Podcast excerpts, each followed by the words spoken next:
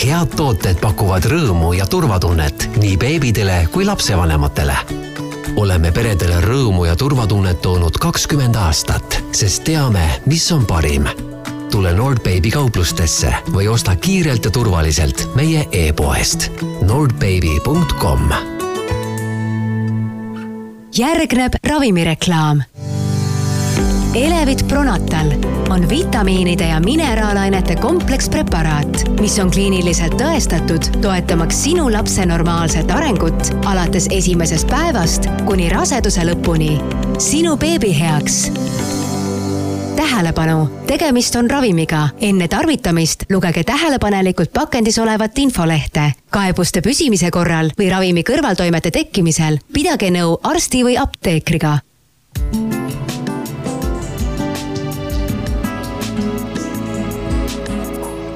tere, armas kuulaja! algab Pere ja Kodu podcasti üheksa kuud kaheksanda raseduskuu saade. mina olen Katariina Ratassepp ja täna me keskendume toitumise, gestatsioonidiabeedi, liikumise ja kaalu hoidmise teemadele. ühesõnaga, tõotab tulla väga põnev saade ja mul on väga hea meel, et meil on täna külas neid teemasid avamas Ida-Tallinna Keskhaigla ämmaemandad Mari-Liis Hunt ja Kersti Luha. tere, Mari-Liis ja tere, Kersti! tere! tere! nii ma tahaksingi siis täna küsida veidi põhjalikumalt toitumise kohta, et me oleme varasemalt siin saadetes rääkinud, et, ähm, et rase peaks vältima pastöriseerimata piimatooteid ja toorest liha ja kala, aga kui naine siiski soovib äh, veidi teadlikumalt toituda, siis, siis mida ta võiks tähele panna? Äh, kindlasti peaks tähele panema, et tema toidulaud oleks mitmekesine. Äh, selleks on näiteks ka meil Tervise Arengu Instituut andnud väga häid soovitusi tervislikuks toitumiseks, kus äh, ta toob välja, et kümme kuni kakskümmend protsenti energiast äh, peaks tulema valkudest, kakskümmend viis kuni kolmkümmend viis võiks olla rasvadest tulnud energia ja viiskümmend kuni kuuskümmend süsivesikutest. Öeldakse veel muidugi, et terve rase võib süüa kõike, kuid ta peaks ikkagi jälgima, millised on tema söödavad kogused ja söömise sagedus veel võib eh, natukene silmas pidada toidupüramiidi, mille tipus asuvad siis toiduained, mida süüa vähem ja mida meie organism toimimiseks tegelikult ei vaja. Need on siis näiteks eh, maiustused, näksid, erinevad suhkrud, karastusjoogid ja toidupüramiidi allosas on pigem teraviljatooted, puu- ja köögiviljad, edasi tulevad siis piim ja piimatooted hästi oluline on äh, siinkohal ka välja tuua, et äh, naise energiavajadus suureneb raseduse ajal tegelikult ainult kolmsada kilokalorit ja kui neil perioodidel näiteks lapseootel naine vähendab enda kehalist koormust, mis tal eelnevalt on olnud, siis ei pea toidust saadavat energiat ka suurendama, et vältida siis ebasoovitavat kehakaalu tõusu mm. -hmm. et see, et kahe eest tuleb süüa, on müüt, jah? see on müüt mm. -hmm. aga miks võiks vältida maiustusi? Äh, no öeldakse, et äh, maiustusi meie organism tegelikult toimimiseks ei vaja, et enamasti ladestub maiustustest saadav äh, siis kilokalorid üleliigse rasvana, et nad on küll maitsvad, kuid vitamiini- ja mineraalaine vaesed. aga kas suhkur ise mõjub ka kuidagi halvasti? puhtal kujul kindlasti suhkrut peaks võimalikult minimaalselt, et, et kui äh, rääkida valge suhkru söömisest, siis soovitatakse ka, et kõik teed ja kohvid, kuhu pannakse, siis oleks hea mõistlik seda nagu vähendada järk-järgult mm. -hmm. enne oli juttu sellest Tervise Arengu Instituudi püramiidist. Äh, kas seda on kusagil internetis näiteks võimalik leida?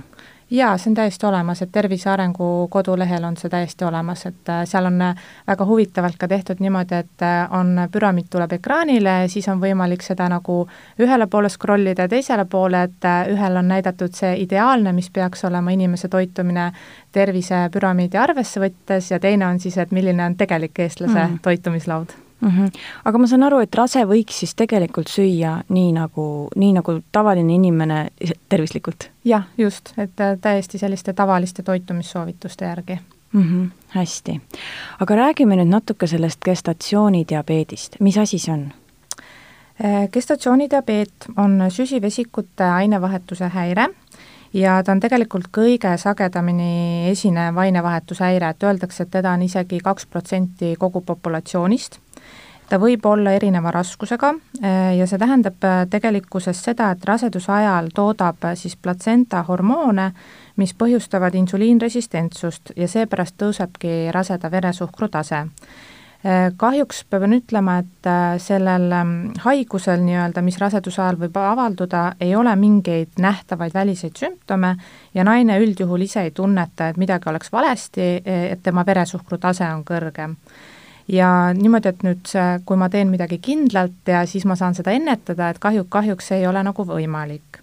küll aga me teame, et äh, ämmaemandatena oma töös me jälgime neid naisi veidi spetsiifilisemalt, kes on siis nii-öelda kõrge riskigruppi kuuluvad, ehk siis kellele me peaksime tegema äh, gestatsioonidiabeeti diagnoosimiseks testi, glükoositesti esimesel trimestril.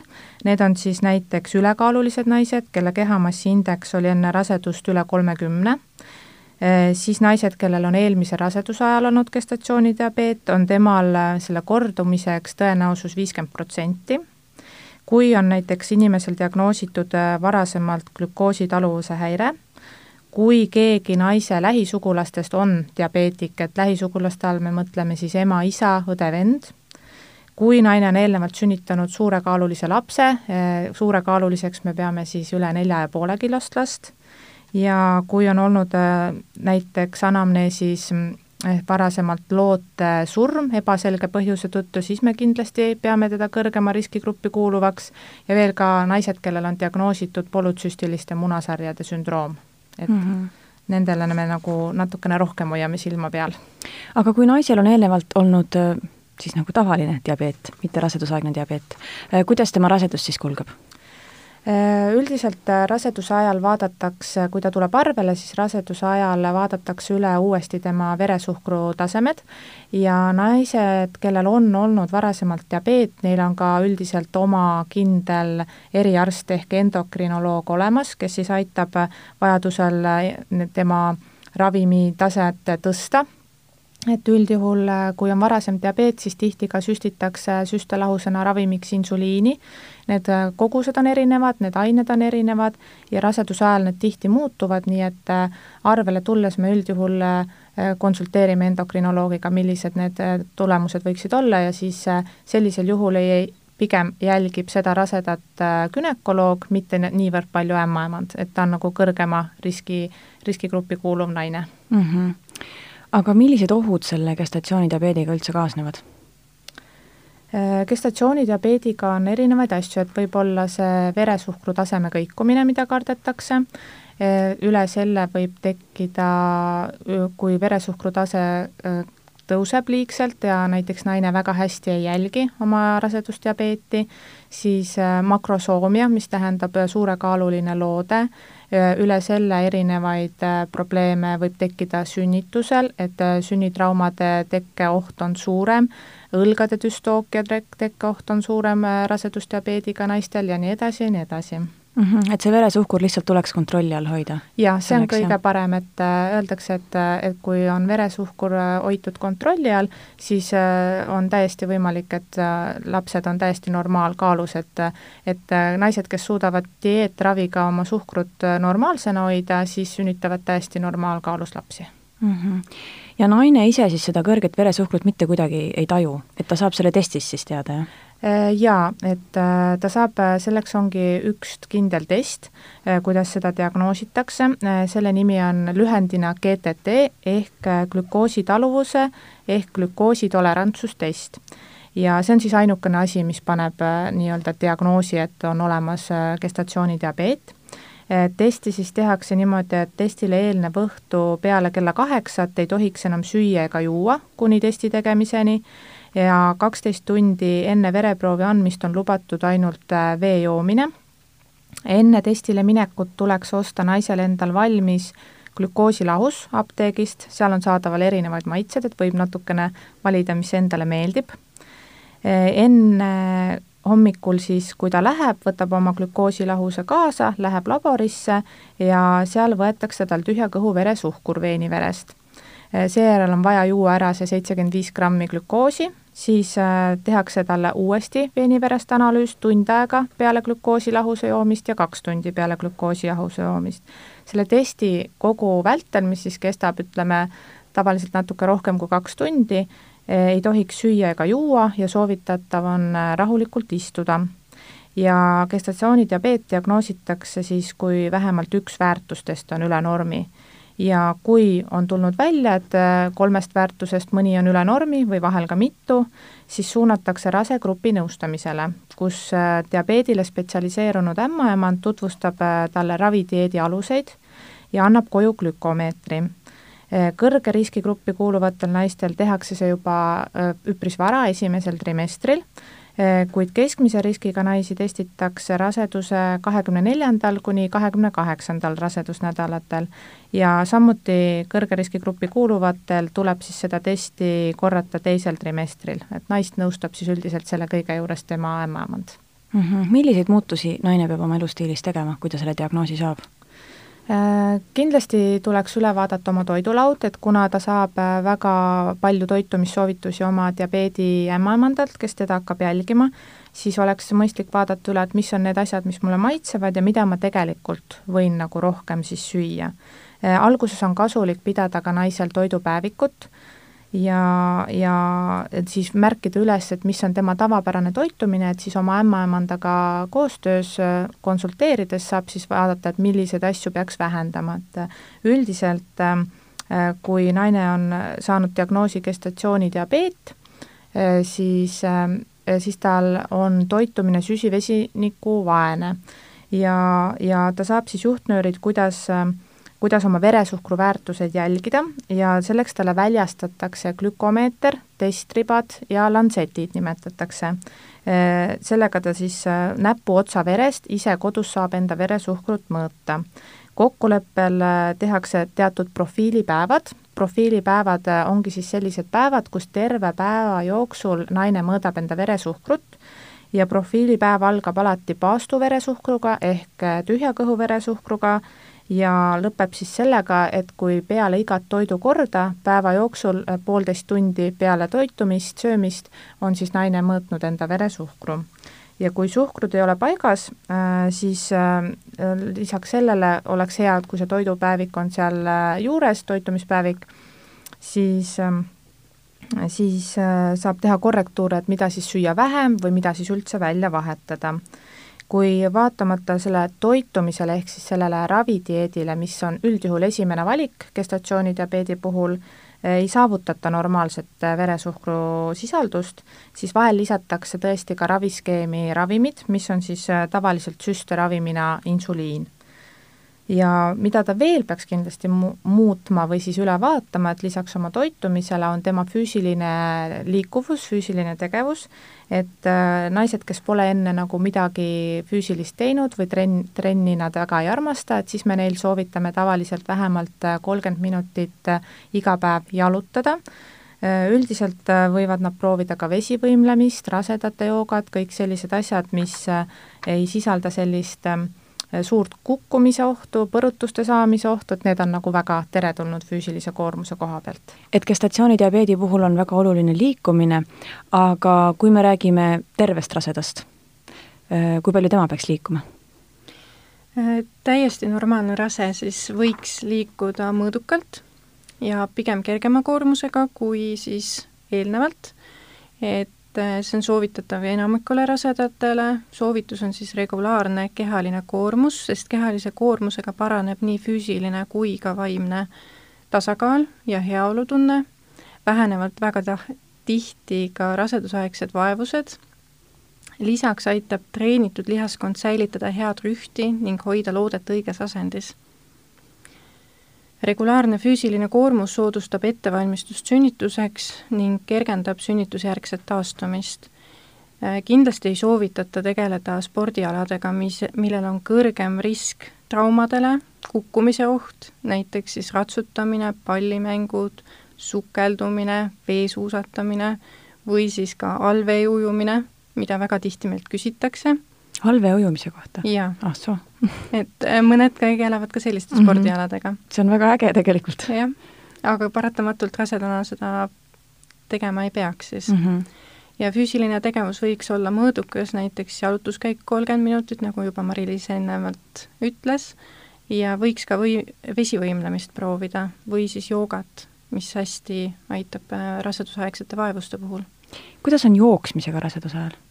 iseenesest äh, kui naine ennast hästi tunneb, siis miks mitte. ta kindlasti võiks seda teha. aga selline tugev põrutus äh, raseduse lõpupoole ei ole just kõige mõnusam ja mugavam tegevus, et äh, siis tavaliselt rasedad enam ei käi jooksmas mm. -hmm. no siis on muidugi see kõht ja kõik on nii raske ka, et, et see on natuke raske no sellest raskusest äh, rääkides, et kuna meil on praegu käimas kaheksanda kuu saade, siis ma kujutan ette, et, et, et ongi raske, et on -hmm. see kõht jääb igale poole ette ja on tüütu ja raske ja hingata on juba võib-olla raske ja ja, ja siis võib, ma kardan, see motivatsioon selle liikumise koha peal küll alla käia. ja mida te selle puhul soovitate? me soovitaksime siis selliseid kergemaid tegevusi, näiteks ujuma minna, vesivõimlemist, äh, vesi hoiab keha sellises aktiivses tegevuses samas vähendab koormust liigestele, lihastele ja lõõgastab pigem. et väga tihti, kui naine kurdab, et tal selg valutab või on mingid liigeseprobleemid, siis ujumine ja vesivõimlemine on need äh, võtmefaktorid, mis aitavad hästi seljavalude puhul ja liigespingete puhul mm. -hmm. ma usun, et äh, piisav liikumine aitab äh, hoiduda ka liigsest kaalutõusust. kui palju naine tegelikult üldse võiks rasedusega juurde võtta? See sõltub väga palju raseduseelsest kaalust, et äh, kui on normaalkaalus naine, siis ta võiks juurde võtta kaheksa kuni viisteist kilogrammi kogu raseduse jooksul. kui on alakaalus naine, siis kindlasti umbes viisteist kilo ja kui on ülekaaluline naine, siis kuus kuni kaheksa kilo, sest äh, beebi äh, raseduse lõpuks umbes kaalub kolm ja pool kilo, emakas sellest umbes kilo jagu platsenta umbes pool kilo, lootevesi on ise oma kilo jagu sealjuures, suurenenud rinnad annavad teinekord lausa kilo jagu juurde raseduse, raseduse lõpus, suurenenud verekogus on umbes poolde, pooleteise kilo jagu ja ka vedeliku kogus kehas on ju tõusnud, sest on varjatud turseid, on osadel väga palju äh, visuaalselt nähtavaid turseid ja rinnaga toitmise ajaks talletub ka rasv, mis on siis umbes üks kuni viis kilo, sõltuvalt siis naisest mm. -hmm. ma tegin praegu kiire arvutuse, et, et siis koos lapse, platsenta ja looteveega siis jääb sünnitusmajja kuus kilo umbes, jah? umbes nii mm. -hmm. et kui naine võtab raseduse ajal juurde, siis nagu iga kilo pärast nüüd muretsema ei peaks, et kuus kilo jääb kindlasti sünnitusmajja mm. -hmm. et väga tihti nad muretsevad selle pärast, aga mida vähem naine ise raseduse jooksul siis juurde võtab, seda vähem tal on pärast ise kulutada vaja. aga ma kujutan ette, et liigne kaalutõus ei ole vist ka hea, et kust maalt on, on liigne kaalutõus ja, ja miks ta ei ole hea? Äh, kui naine ei jälgi absoluutselt oma toitumist ja hakkab sööma raseduse aeg, nagu ennist mainitud, kahe eest, tulevad lisakilod kiiresti ja peale sünnitust on neist väga raske vabaneda ja ülekaalulisus ja liiga suur kaaluiive raseduse ajal tõstavad komplikatsioonide riski nii raseduse ajal kui ka sünnitusel. naistel, kes võtavad raseduse ajal lubatust palju rohkem kaalus juurde, on peale sünnitust sageli probleem ülekaaluga. hilisem ülekaal on riskiks nii diabeedile kui ka hüpertooniale ehk siis äh, veresoonkonna haigustele, kõrgele vererõhule. ja teisalt tähendab suur kaaluiive sageli ka suurekaalulise lapse sündi, et äh, see muudab ka sünnituse naise jaoks keerulisemaks, kui liiga palju juurde võtta mm. -hmm. Et ma näen, et see oht on seal, et need kilod ei pruugi pärast sünnitust väga kergelt maha saada ja siis tekivad uued terviseriskid sellest ja täpselt nii mm. -hmm. Et tasuks ikka natukene jälgida seda, mida raseduse ajal süüa.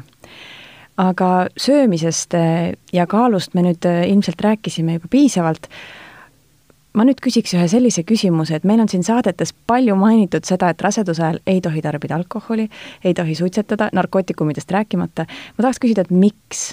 Äh, keegi pole mulle siin podcast ides veel rääkinud, et mida teeb alkohol ja suitsetamine siis sellele väiksele kõhutitale? Äh, miks kindlasti neid vältida, on see, et nad läbivad platsentaarbarjääri, ehk siis nad jõuavad lapseni. Äh, alkoholi tarvitamine kolmel esimesel kuul suurendab äh, ise raseduse katkemise ohtu. ja ema rasedusaegset äh, alkoholi tarvitamise kaugmõjud ei ole laste seas veel meile teada. et me ei tea kunagi ette, mis võib siis saada selle mm -hmm. tagajärjel. tegelikult sellist uuringut ju ei saakski teha, see on ju ebaeetiline, eks ole. Äh, suitsetamine suurendab riski erinevateks rasedustüsistusteks nagu enneaegne sünnitus, platsenta irdumine, platsenta eesasetsus, lootekasvu peetus, platsenta eesasetsus selles suhtes, et äh, see platsenta kinnitub nii alla emakakaela lähedale, et seal on oht, et see katkeb. kui nui-, naine juba varem suitsetab, siis äh, oluline on vähendada su-, sigarettide hulka päevas. suitsetamisest loobumiseks võiks pakkuda näiteks siis erinevaid nõustamisi, erinevaid äh, infolehti, mis äh, siis soodustavad seda, et naine oleks valmis ja tahaks ise ka suitsetamisest loobuda. ja narkootiliste ainete mõjul rasedusele äh, siis võivad tekkida ka erinevad komplikatsioonid, nagu ennem mainitud, siis raseduse katkemine, enneaegne sünnitus, enneaegne lootevete puhkemine, platsenta irdumine, üsasisene kasvupeetus, ehk siis lapsed ei kasva normpiirides kohanemishäired sünnitusjärgselt ja vaimse arengu häired võivad tekkida laps, lastel mm. -hmm. kas teie juurde on tulnud mõni naine sellise küsimusega ka, et et tema rasedus saabus täiesti üllatusena, planeerimatult võib-olla, ja esimestel raseduskuudel, enne kui ta teadis, et ta rase on, ta käis sünnipäeval, jõi veini, võib-olla tegi suitsu, et kui naine sellise küsimusega tuleb, siis mis te talle vastate? Neid äh, küsimusi tuleb tegelikult üsna palju ja alguses tuleb ikkagist naist rahustada, öelda, et äh, kuna raseduse alguses ta ei, see loode ei ole veel emaka seina külge kinnitunud, siis ehk ei ole see mingit kahju veel tekitanud. alati tuleb äh, naist rahustada, siis me saame teda suunata edasi äh, loote ultrahelisse ja kui sealt tulevad kõik madalad riskid, siis me ei näe põhjust, miks peaks puretsema, sellepärast et alguses sai võetud klaasike veini või sünnipäeval natuke rohkem mm. -hmm. aitäh, Mari-Liis ja aitäh, Kersti! Usun, et saime palju vastuseid paljudele küsimustele. aitäh, armas kuulaja, et sa meid ära kuulasid kõik meie saated on leitavad Spotify'st, iTunes'ist ja SoundCloud'ist ja samuti kõikidest teistest suurematest podcast'ide rakendustest. leidke meid üles, hakake jälgima ja uued episoodid jõuavad esimesena teieni. Kuulmiseni! head tooted pakuvad rõõmu ja turvatunnet nii beebidele kui lapsevanematele. Oleme peredele rõõmu ja turvatunnet toonud kakskümmend aastat, sest teame, mis on parim tule Nordbaby kauplustesse või osta kiirelt ja turvaliselt meie e-poest nordbaby.com. toidulisand Elevit Breastfeeding soodustab lapse silmade ja aju arengut ning toetab ema immuunsüsteemi ja aitab vähendada väsimust. sinu ja sinu beebi heaks